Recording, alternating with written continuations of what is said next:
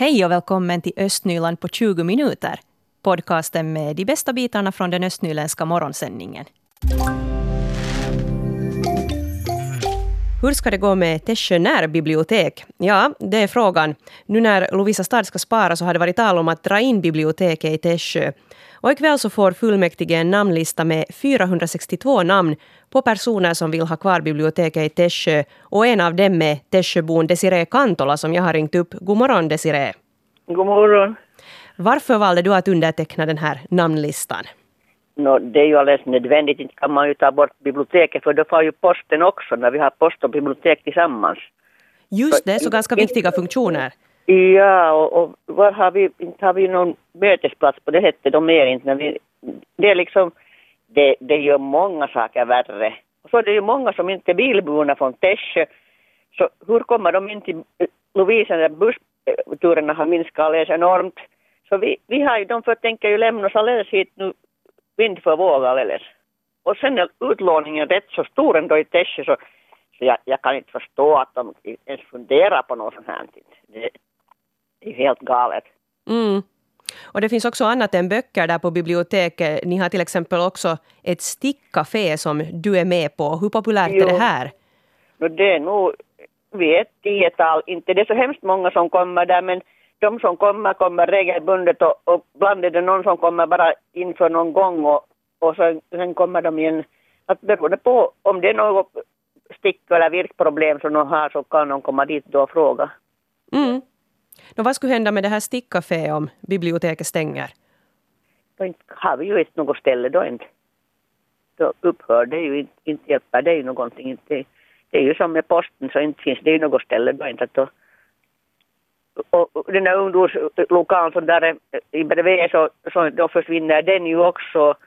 Det är ju många som håller möten också där i biblioteket. Där är ett trevligt ställe att hålla mindre möten så där är riktigt lugnt och bra att ha. Mm. På kvällarna men att inte, det försvinner ju allt det där att inte, inte vet jag hur man ska bära sig åt sen in. Och hela, hela orten påverkas på det här viset om, om biblioteket no, försvinner? Det, för, för nu har de säkert då följande plan att de drar in först biblioteket och, och posten och sen skolan och då kan de lika bra börja med åldringshemmet då först. Precis. Då vet du ju var vi hamnar sen då. Ja.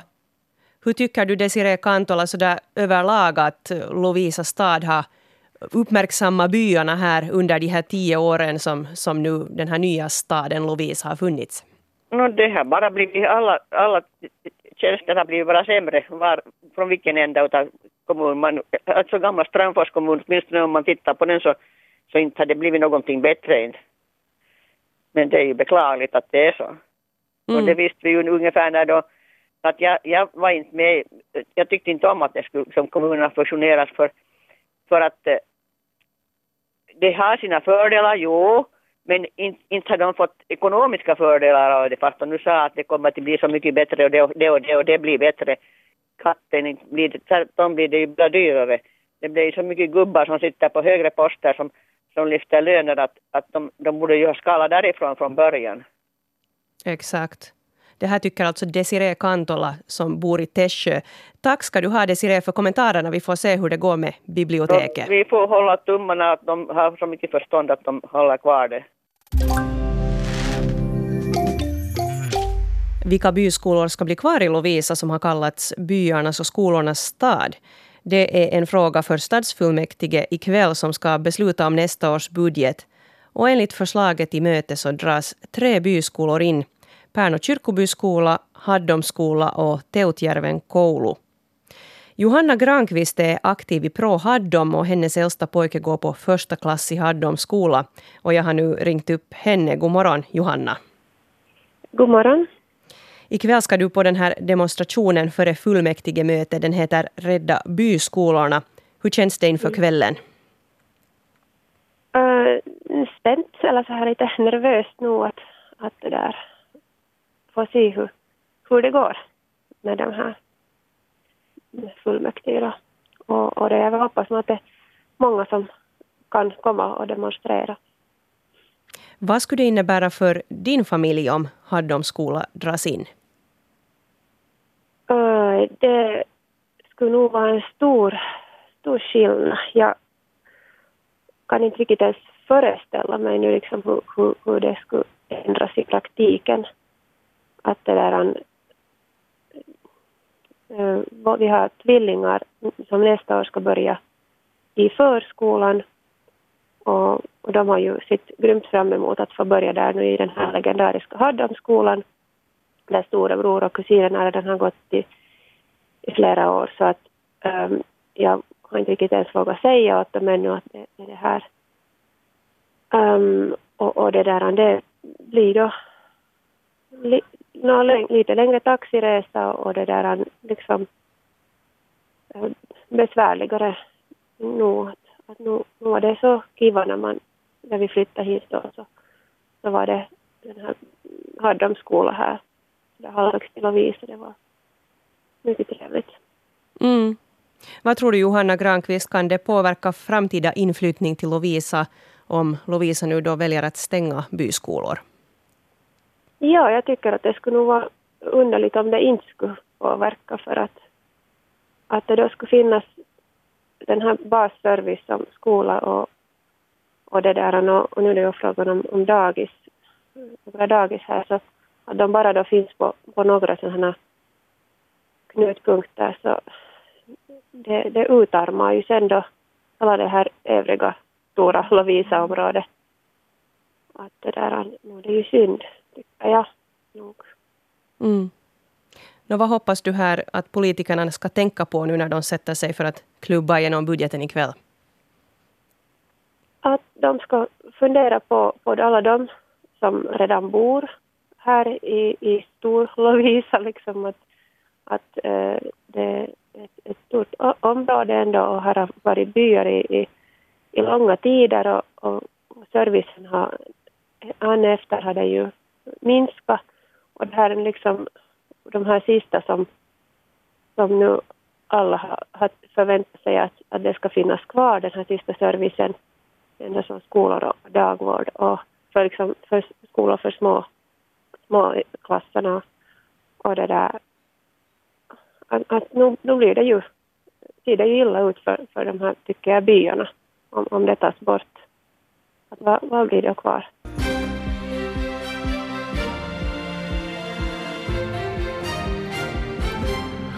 Klockan är halv nio, nu nyheterna från Östnyland med Stefan Härus. God morgon. Borgoelevernas matematikkunskaper har blivit bättre. Det här visar den utvärdering som gjorts av läsåret 2018-2019.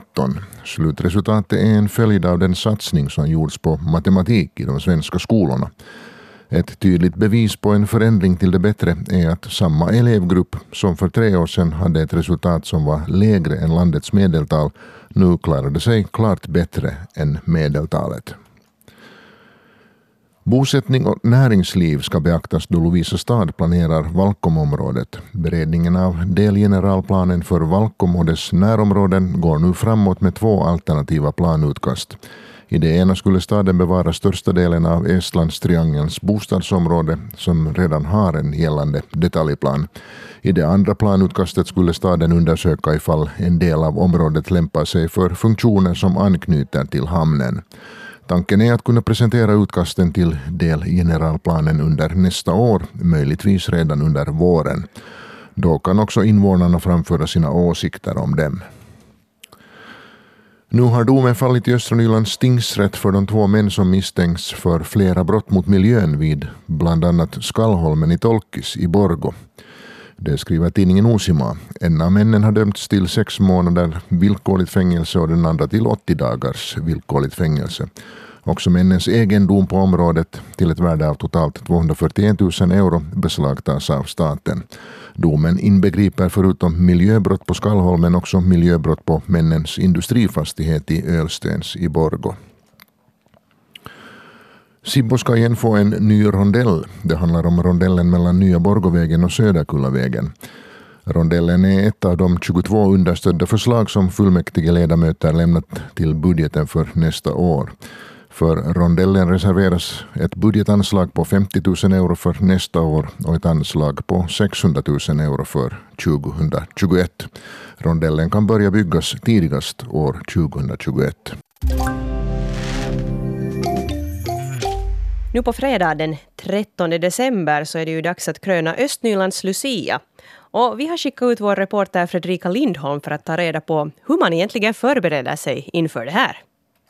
På fredag så kröns Östnylands Lucia här i Gamla stan i Borgo. Och jag har gett mig ut för att eh, prata med några människor som förbereder sig speciellt mycket inför fredagen. Jag står här med Östnylands Lucia 2019, Lisa Rönnberg. Grattis ännu en gång! Tack så mycket! Och sen står jag här också med Lucia-pappan Kent Lang. Ska jag säga grattis till dig? Ja, ja nu, det är fritt fram, låt komma bara. Grattis! Tack! och det är ju nu alltså, det är på fredag som, som det gäller, som Lucia ska krönas och jag undrar att hur förbereder man sig för det här? Övar sånger tillsammans med de andra. Uh, se till att ha roligt före också så att man har roligt sen. Ja, dricka varmt så man blir sjuk. Ja. Hur förbereder man sig som Lucia-pappa?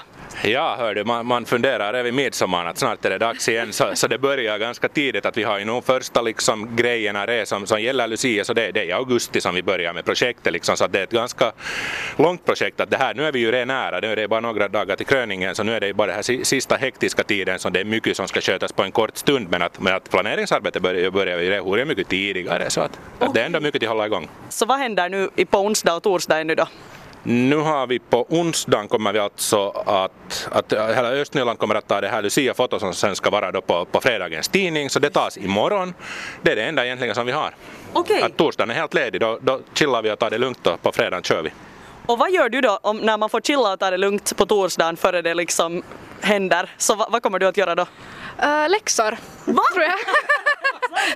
ja, nej, uh, kanske, ja, går och sova i tid så att jag orkar. Dricka varmt som sagt, ska man göra. Uh, kanske med någon kompis efter skolan eller någonting. Okay. Ja. Men hej, jag får säga lycka till med uppdraget. Tack, tack. Där hörde vi alltså Östnylands Lucia 2019, Lisa Rönnberg och Lucia-pappan Kent Lang. En annan som också måste förbereda sig inför fredagen är Patrik Wackström. Han kommer att kröna Lucian i år. Vi står här i Gamla stan på Mellangatan tillsammans med Patrik Wackström som alltså är VD på Borgo Energi och som ska kröna Lucia på fredag. Hur känns det att du får kröna Lucia i år? det känns jättefint, det är, det är nära. Det är sånt som, jag är lite konservativ person så det här passar riktigt bra åt mig och det ska bli roligt. Hur har du förberett dig nu inför fredagen då? No, jag har ju lite på det viset den här fördelen när vi ju sprider värme och ljus och där på Borgå Energi så det är ju samma uppgift som det där Lucian ska ha så det är, det är säkert det fort som, därför har jag kanske blivit kallad. Jag börjar lite misstänka att det är därför. Ja, jag funderar faktiskt också att ser man på något annat sätt på julfirande och på Lucia när man jobbar med just att sprida värme och energi? Nej, det är precis samma sak och det är, det är ju just det som Luciano ska göra. Mm. Har du redan skrivit äh, ditt tal som du ska hålla?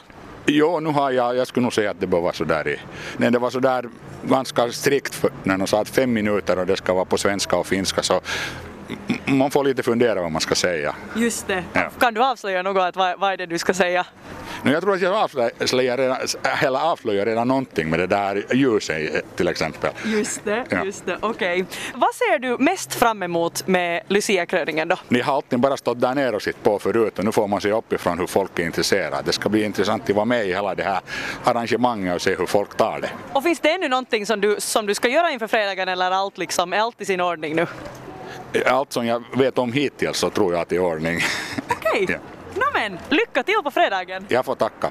Då Östnylands Lucia kröns i Borgo är det också traditionellt ett fackeltåg som går genom Gamla stan.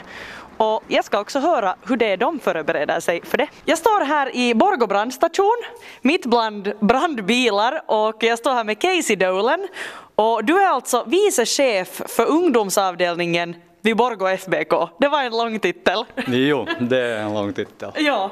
Och på fredagen så är det ju dags för Lucia och då kommer det ju också att ordnas ett fackeltåg som vanligt. Och jag undrar att hur förbereder ni er inför fredagens fackeltåg? Nå, vi går lite igenom att hur vi ska gå, vilka vägar, vem som deltar utav ungdomarna, vilka ledare kommer med och så förbereder vi facklorna förstås, att de är i skick vad är då det viktigaste att tänka på inför ett fackeltåg i Borgå gamla stad? Förstås så har vi ju gamla trähus och det är ändå frågan om eld så komma ihåg att inte gå för nära väggarna och trähusen och lite se vart vi ställer upp oss i Gamla stan och sånt För tillfället när jag kollar på väderleksrapporten, den ändrar ju en gång i minuten känns det som, men just nu så ser det ut som att det potentiellt skulle kunna snöa eller då regna då när det är det här fackeltåget. Påverkar det er på något sätt det? Nej, snö och regn påverkar inte. Varma kläder. Okej, så facklorna slocknar inte av en snöstorm? Nej. Okej, no, men vilken tur. Finns det ännu någonting som ni ska göra inför fredagen eller är allt, liksom, är allt klart nu? Allt är egentligen klart, att vi väntar på fredagen bara. Okej, okay. no, tusen tack. Tack. Och vi hörde här vår reporter Fredrika Lindholm. Och Lucia-kröning blir det alltså klockan 18 på Gamla rådhustorget i Borgå nu på fredag. Och Runebergskören, Borgå blåsensemble och Borgå FBK medverkar och krönare alltså Patrik Wackström från Borgå Energi. Borgå stad var en av 123 kommuner, eller kommungrupper, som ansökte om att få delta i ett försök för att öka sysselsättningen. När eh, arbets och näringsministeriet nu har valt ut de 20 enskilda kommunerna eller grupperna som går vidare i processen så är Borgå stad inte en av de här. Stadsstyrelseledamot Anette Karlsson från SDP hon är besviken över att stan har gått miste om kommunförsöket. Nu, nu är jag besviken på det att, att Borgå inte är med i det här sysselsättningsförsöket eftersom det skulle ha varit någonting som vi skulle ha önskat. Jag, jag förstår att, att i vår region så är sysselsättningsgraden lite högre än, än i hela landet och, och där fanns säkert sådana motiveringar varför vi inte kom med.